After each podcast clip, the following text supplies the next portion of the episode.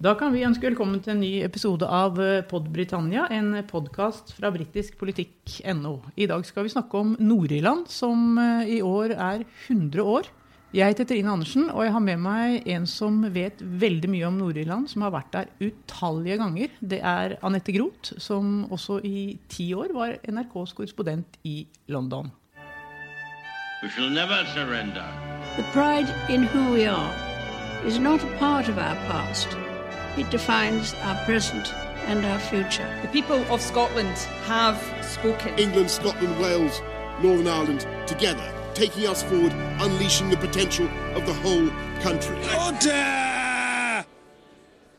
Anette, du ga i 1998 ut en bok du, fra Nord-Irland som heter 'Nord-Irland den vanskelige veien'. Jeg tenkte vi skulle begynne med å lese en setning fra den boken. Ok. Der står det her i innledningen Jeg blir alltid i godt humør når jeg flyr inn til Belfast, skriver du. Og stemmer det fremdeles? Og Ja. hvorfor skrev du den setningen? Eh, jo, det stemmer. Og, men jeg tror også at neste setningen var 'det er det for så vidt ingen grunn til'. Det, det har du helt rett i, men denne ble jo skrevet da for 22 år siden. Og det er kanskje en enda større grunn i dag enn det var for 22 år siden til å skrive denne setningen. Altså, Hovedgrunnen for meg eh, er menneskene der. Eh, men jeg ble jo interessert i Nord-Irland, det må jeg bare si, pga. konflikten der. Eh, jeg hadde en venn som het Ola Bauer, forfatter, eh, og en flott mann. Han vakte min begeistring for Nord-Irland. Han hadde vært der som journalist, og han har også skrevet en roman derfra som heter Rose Penna.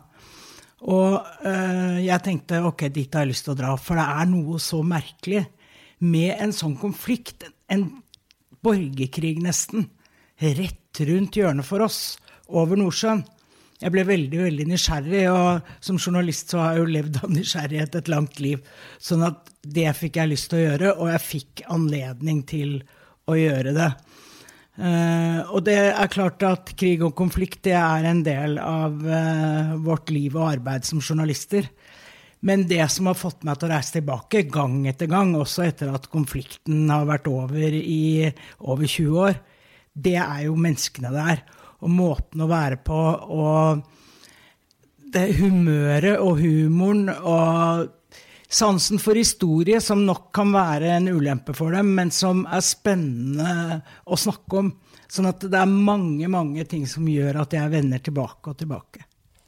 Men eh, du har jo også vært der et utall ganger, som som jeg sier. Jeg vet, Du og jeg var faktisk sammen i Nord-Irland for eh, halvannet år siden. Da ble du spurt på flyplassen er dette ditt første besøk i, i Nord-Irland. Jeg, jeg, jeg, jeg husker veldig godt hva du svarte med et smil. Nei, jeg har vært der eh, i hvert fall 100 ganger. Hun så litt sånn, eh, litt sånn rar ut, hun i, i, i luka der. Men er dette det stedet du har vært flest ganger, tror du? Eh, som jeg har, ja, hvor jeg ikke har bodd. Uh, ja, nei, det er nok det stedet jeg har vært uh, flest ganger. Ja. Og når jeg snakker engelsk, så har jeg ofte en litt sånn Belfast-accent. Og da jeg bodde i USA noen år senere, så var det veldig mange som trodde at jeg var irsk. Og jeg husker før i verden, så hvis vi skulle gå direkte hjem til Norge Nå så står det jo bare med en mobiltelefon og et kamera. Men vi måtte melde oss på et sted, og det var teknikere der, og det ble bestilt tid og sånn. Men jeg husker en gang jeg skulle opp der og, og si et eller annet hjem til Norge, og så sier han teknikeren Oh, here comes the Norwegian lassie with a Belfast accent. Det er ikke så dumt, Anette, for skal hun si det sånn, så må vel nesten si at Belfast-dialekten Belfast er vel nesten den flotteste i Storbritannia. Ja, det Det er, ja, er det, jo fantastisk. ja, jeg liker det jo kjempegodt, men det er fordi jeg kjenner så mange som snakker den, og, ja, og har vært der så mye, som sagt. Men uh, jeg liker det. Du, Det skal vi komme litt tilbake til. men Vi må nesten bare snakke litt om denne 100-årsmarkeringen. For det er altså 100 år siden provinsen Nord-Irland ble opprettet, og Nord-Irland da ble en, en provins under Storbritannia. Det skjedde i mai 1921. Og det som skjedde da for 100 år siden, det må vi vel nesten snakke litt om for å forstå den konflikten som da kom ganske mange tiår seinere. Ja, altså det hadde jo Utgangspunktet for dette var jo britenes kolonialisering av Irland i flere hundre år. Og det, det var jo opprør mot britene gang etter gang, fordi at de, de drev jo en politikk som gjorde at irene mistet all innflytelse. De mistet eh, landet sitt, de fikk ikke lov å snakke språket sitt. Religionen deres ble undertrykt. Altså det var masse eh, diskriminerende i det, den måten å regjere på. Um, og det gjorde selvfølgelig irene opprør mot. Og de forlangte i stadig sterkere grad home rule. Altså vi vil, uh, vi vil regjere oss selv. Og så ble det eh, etter hvert vedtatt i, um, i, parlamentet i London. Men pga. første verdenskrig i 1914 så ble det stadig utsatt. Og så var det da i Irland et uh, opprør som sikkert mange har hørt om, som het påskeopprøret, som var i 1916, hvor en gruppe uh, irske opprørere proklamerte en irsk republikk og sa at nå vil vi ikke mer. De ble slått ned. Det ble slått ned veldig brutalt i opprøret. Det var mange som ble drept, henrettet. Og reaksjonene var veldig sterke på det, både internasjonalt, innad i Irland og faktisk også i Storbritannia. Sånn at det var det første skrittet mot eh, en, en, irsk selvstendighet. Men pga. første verdenskrig som jeg sier, da, så tok det sin tid. Men dette eskalerte også etter at verdenskrigen var over i 1918, og til slutt så ble det da vedtatt home rule. Irene skulle få styre seg selv. Men det var et men. Og det var at opp gjennom årene så hadde det jo vært veldig mange innvandrere fra England og Skottland som kom til Irland, som bosatte seg, fikk land av eh, engelske konger, og også av Cromwell da han drev på. Og til fortrengsel da, for irene, som i ganske stor grad ble leilendinger i sitt eget land. Og disse etterkommerne av eh, skotske og engelske bønder, de som vi ofte i dag kaller protestanter og unionister, altså at de vil ha unionen med Storbritannia, de sa at vi vil ikke være under noe irsk styre. Vi vil ikke, det, det kan ikke vi. Og så var presset da på den britiske regjeringen så sterkt at de bestemte seg for å gi disse folkene et område nord i Irland som skulle være fortsatt en del av Storbritannia. Og sånn ble da denne øya delt. Og det er jo veldig rart når du ser på en øy sånn, at med et pennestrøk så tar du bare å, å, å ta bort, eller deler, de, deler den. Eh, sånn at det er en nord- og en sørdel. Det er jo en veldig unaturlig deling, men sånn ble det nå. Ja, og det er de seks grevskapene da i nord som ble Nord-Irland. og Var det ikke snakk om en stund at det kanskje skulle bli, være ni grevskap som skulle inkluderes, altså hele Ulster? Jo, og det, det var jo fordi at hvis du skulle tatt hele Ulster, de ni grevskapene, så ville det blitt et katolsk flertall her. Og det ville de jo ikke ha. Og fy! Nei, det ville de ikke ha. Så de tok bort Donegal, som ligger helt i vest. Og hvis du ser på kartet, så er det helt merkelig at Donegal hører til republikken Irland, og ikke til Nord-Irland. Og så da to eh, grevskap i sør, Monaghan og Cavan. Eh, så de tre tilhører i dag republikken Irland, eh, men de var altså opprinnelig i Ulster. Og sånn fikk da protestantene i nord sin egen britiske provins som de styrte over. Og det er her vi fyller kjernen til hele den konflikten som vi da kaller the troubles. ikke sant? For da, det er det er start, altså de, de, fortsatte da bare med å undertrykke katolikkene. De fikk ikke jobber. De, ja, dette kan du si langt mer om enn meg. Ja, altså de, de tok makten, og ja. de tok den virkelig. Um, de lagde et parlament, det som fremdeles i dag er parlamentet i Nord-Irland Stormont-slottet utenfor Belfast. Men de kalte det A Protestant Parliament for a Protestant People. Protestantisk parlament for et protestantisk folk. Og irene fikk ikke være med i styre og stell på den tiden der. Og dette fortsatte. De ble diskriminert på alle områder. Arbeidslivet, boliger, you name it. De ble diskriminert. Og opprør fortsatte. Altså, irsk historie er veldig preget særlig de siste hundreårene, da, av britisk overherredømme og irsk opprør. Og det fortsatte og fortsatte um, inntil det på en måte ble et skikkelig opprør på slutten av 1960-tallet. Det begynte veldig fredelig, med borgerrettsmarsjer i 1968 f.eks. De var veldig inspirert av eh, USA. Og Martin Luther King. Og Martin Luther King og borgerrettsmarsjene der. Og de gikk i veldig fredelige marsjer. John Hume, som var en veldig kjent eh, nordirsk politiker, han var jo veldig aktiv når det gjaldt de marsjene. Så ble det sammenstøt med protestantiske grupper. Britiske soldater ble hentet inn for liksom å holde orden på dette her. Og der starter det som ble The Troubles.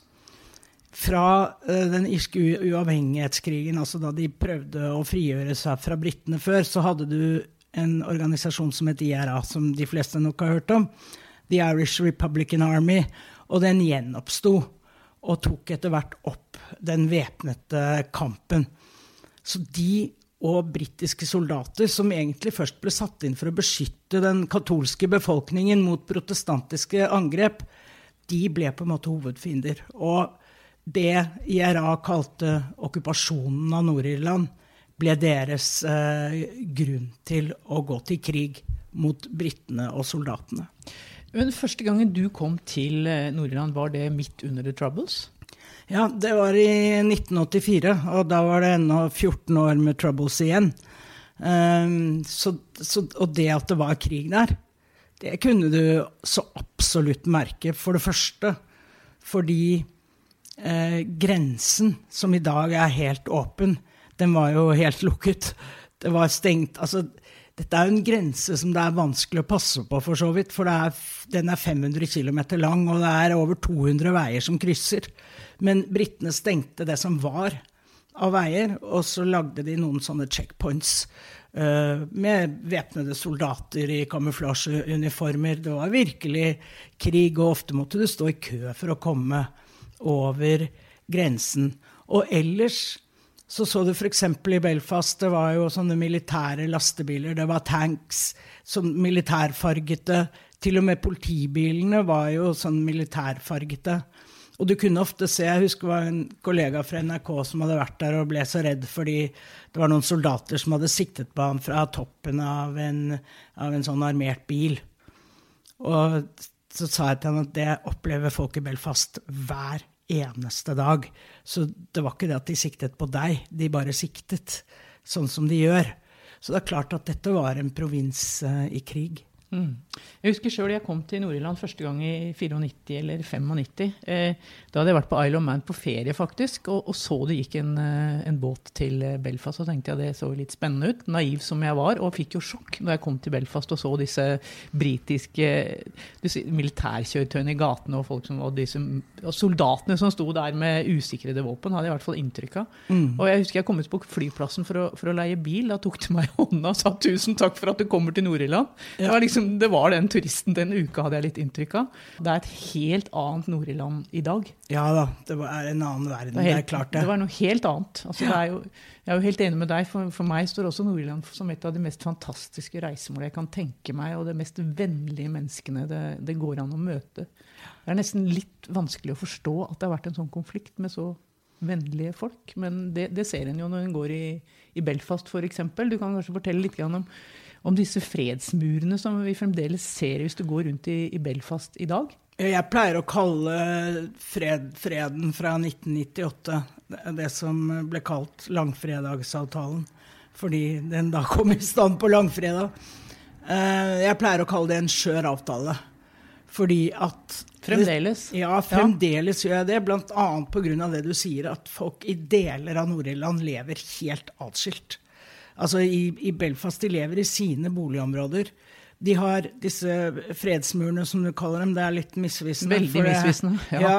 Og de er så ekstremt høye! Det slo ja. meg. De er liksom fire-fem meter høye. Ja, du skal ikke, kunne klatre, du skal ikke kunne klatre over, vet du. Nei. Sånn er det bare. Og det er jo sånn at jo mindre folk vet om hverandre, jo større mistillit har de til hverandre. Og det merker du. Men dette er særlig arbeiderklassestrøk. Og de er jo så like på hver sin side av muren. De har de, mye av de samme problemene. De bor i samme typen hus. De går riktignok på forskjellige skoler og i forskjellige kirker. Men sånn som Nord-Irland er i dag, så tenker jeg det er ikke noen grunn til at de skal, kunne, at de skal bo så atskilt. Og myndighetene i Belfast f.eks. har jo sagt at innen 2023 skal murene være borte. Mm -hmm. Men poenget er at de som bor der, de vil ikke ha dem ned. Og Det har det ikke kommet flere, faktisk, Jo. etter 98? I 98 var det ca. 60, så vidt jeg husker. Og nå skal det være en 100 stykker. Det er bygget nye. altså Akkurat idet fredsavtalen ble laget, f.eks., så startet de byggingen av en mur gjennom en park som heter Alexandra Park. Og jeg husker jeg tenkte herregud, de kan ikke lufte hundene sine sammen engang. Enda det nå er kommet en fredsavtale. Og den er der ennå, den muren. Og det er riktignok en port gjennom, men den stenges veldig tidlig om kvelden. Sånn at um, det er områder hvor de nesten ikke ser hverandre, og hvor ungene f.eks. fremdeles har et veldig sånn sterkt sekterisk språk, og det er ganske trist å se. Mm. Og det er vel nettopp derfor de har vært så utrolig opptatt av å holde denne grensen på, på den irske øya åpen. At det ikke skal bli noen nye uroligheter, noen nye mål for terrorister. Ja, fordi det er jo helt uh, nødvendig også av næringslivsgrunner. altså uh, bøndene samarbeider, går eh, kuer og Ja, du pleier jo å si du vet ikke om kyrne er irske eller nordirske når du ser dem. Nei, ikke sant? Og- Også fordi du ikke vet hvor du er, fordi grensen er usynlig. Men, men det er også det at de f.eks. For foredler sauekjøtt i sør, men har flest sauer i nord, og, og så går det over grensene sånn. Det kan det jo bli et problem med nå, da, men det er det de, det er det de har villet gjøre. Og så er det jo 30 000 mennesker som drar over den grensen hver dag fordi de jobber et sted og bor et annet sted. Og det er jo helt nødvendig for å, for å, holde, altså å holde grensen åpen for at alt dette skal kunne fortsette. Og så er det jo at politiet sier at vi kan ikke overvåke denne grensen. Som jeg sa, den er 500 km lang. Det er 200 og noen veier over. Så de sier at hvis noen øh, føler at, at uh, dette blir galt, og at grensen skal stenges igjen, at det blir kontroll, så kan ikke vi kontrollere at det ikke blir, øh, blusser opp vold igjen, eller blir lagt ut bomber, eller hva det kan være. Så det, det er også noe som ganske mange i Nord-Irland er opptatt av. Men når du sier at, du at denne langfredagsavtalen fremdeles at det er en skjør fred, eh, hvor, hvor skjør tror du den er? Tror du det kan bli, blås, blusse opp mye vold, vold igjen raskt? Altså, hva er det som skal til her for, for at vi ikke lenger skal snakke om en skjør fred? Nei, jeg tror ikke vold på det, på det nivået som du hadde med IRA og den britiske hæren, det får du ikke tilbake. IRA hadde det sånn at de hadde veldig sterk støtte i den katolske befolkningen. Og grunnen til det var jo at den befolkningen var så diskriminert. Blant annet hvis det skjedde noe kriminelt i et katolsk område, så var det ganske ofte at det nordirske politiet, som stort sett var protestantisk, at de ikke kom. Sånn at IRA fungerte som en slags politi. Og øh, det var pga. all eh, diskrimineringen f.eks. på boligmarkedet, så drev jo IRA og støttepartiet Sinn Fein de drev jo også en rekke tjenester i eh, de katolske områdene som regjeringen ikke gjorde. Sånn at de hadde, IRA hadde veldig sterk støtte. I dag fins det ingen voldelige grupperinger som har en tilsvarende støtte, så jeg tror ikke at volden kan blusse opp eh, på den måten. Men eh, det er nok av andre snublestener, da. Ja, skal vi se litt på framover? Altså, nå, nå snakker det jo, har det vært snakket veldig mye i det siste om at eh, det kan at i Skottland så, så kan det etter hvert presse seg fram en ny folkeavstemning om uavhengighet. I Irland så snakker en, eller Nord-Irland, Irland, republikken Irland, så snakker de om en border poll. Det betyr jo en folkeavstemning da, om et forent Irland. Hvor langt unna tror du det er? Jeg tror det er et stykke unna. Det, det var Skal vi se hvor lenge det var siden, da. Rory O'Hara, som er en venn av meg i, i um, Derry, han sa 'mind my words', sa han for et par-tre år siden til meg. Eh, om ti år er vi et forent Irland, og jeg sa er du helt dum. Så fort skjer det ikke. Og jeg tror ikke det skjer eh, så fort heller, men jeg har hørt andre som sier det også, på protestantisk side. Men brexit er jo, er jo et problem, da. Det har jo skapt en ny situasjon hvor egentlig ingen er fornøyd. Fordi Boris Johnson og Storbritannia var jo nødt til å gjøre et unntak for Nord-Irland eh, i brexit-avtalen. Og det betyr at Nord-Irland fremdeles er medlem av det indre markedet i EU og tollunionen. Og det betyr at vi har fått en grense nå i Irskesjøen. Ja, og Det det betyr, er jo da at det vil være tollklarering og, og sånn i enkelte havner i Nord-Irland. Og at det ikke er så sømløst som det var når du hadde EU-landet Irland og EU-landet Storbritannia. Sånn at det er en kilde til veldig mye ergrelse, kanskje særlig hos den unionistiske delen av befolkningen. Altså de protestantiske etterkommerne i Nord-Irland som kaller seg unionister, og som vil beholde unionen med England eller Storbritannia for enhver pris. Og grunnen til det er jo at de vil ikke ha noe særbehandling. De vil jo ikke være annerledes enn Skottland, Wales og England. Og det er det jo altså nå, fordi de fremdeles er inne i tollunionen og i det indre marked. Boris Johnson hadde lovet dem at det skulle ikke skje, men det var ikke mulig å få til en avtale med EU uten at uh, det skjedde. Ja, Det er jo noe litt paradoksalt akkurat med dette, hvis jeg skal få skyte det inn. Det er jo er, union, det største unionistpartiet, som da ledes av førsteminister Erlin Foster, det var jo det eneste partiet i Nord-Irland som gikk inn for brexit. Og resultatet er altså blitt akkurat det motsatte av det hun ønsker. Hun gikk jo inn for brexit for å distansere seg fra Brussel og, og, knytte seg nærmere til London, og, hun har, og det har oppnådd akkurat akkurat det motsatte. Det kan jo få ganske store politiske konsekvenser kanskje for, for DUP, som er det største unionistpartiet i Nord-Irland. Det skal være et valg neste år. Ja. Det blir veldig spennende å se hvordan brexit slår ut der. Ja, og det er jo da samtidig, som, eh, som jeg nevnte, så har du også fått debatten om et forent Irland til å blusse opp. Fordi nå blir eh, Nord-Irland liksom noe helt annet enn alt det andre. Og mange tenker at ok, kanskje det er bedre for oss å være med Irland. Uh, og et forent Irland har jo for så vidt vært et, uh, et mål for den nasjonalistiske delen av befolkningen i, uh, i, altså hele tiden, i mange år. Men de har vært mer pragmatiske. Men nå er den debatten blusset opp igjen, og den blusser opp på begge sider, på en mm.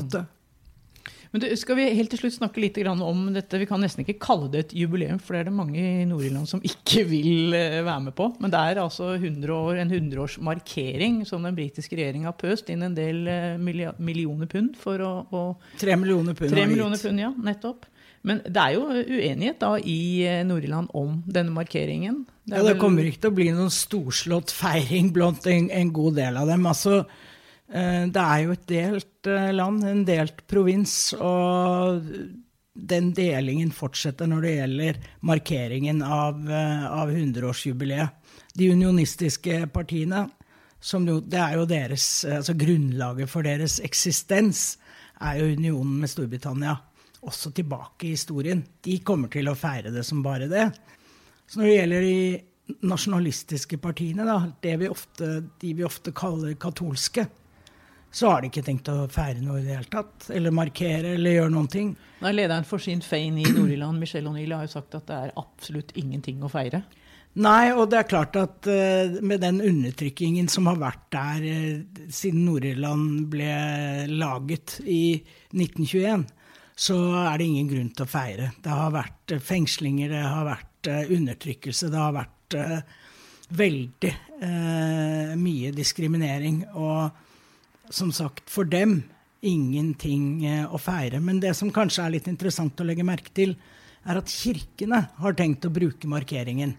Også den katolske, faktisk. For de sier at uh, nå må vi eh, få til en bedre felles forståelse av vi, hvem vi er, og, og, hvordan vi oppfører oss. Og, der kommer det til å bli en markering. Ikke noen stor markering, men de har slått seg sammen og sagt at vi benytter denne anledningen til å prøve å bli bedre kjent med hverandre og til å snakke mer sammen. Det kan kanskje peke en vei fremover. We shall never surrender. The pride in who we are is not a part of our past. It defines our present and our future. The people of Scotland have spoken. England, Scotland, Wales, Northern Ireland, together taking us forward, unleashing the potential of the whole country. Order!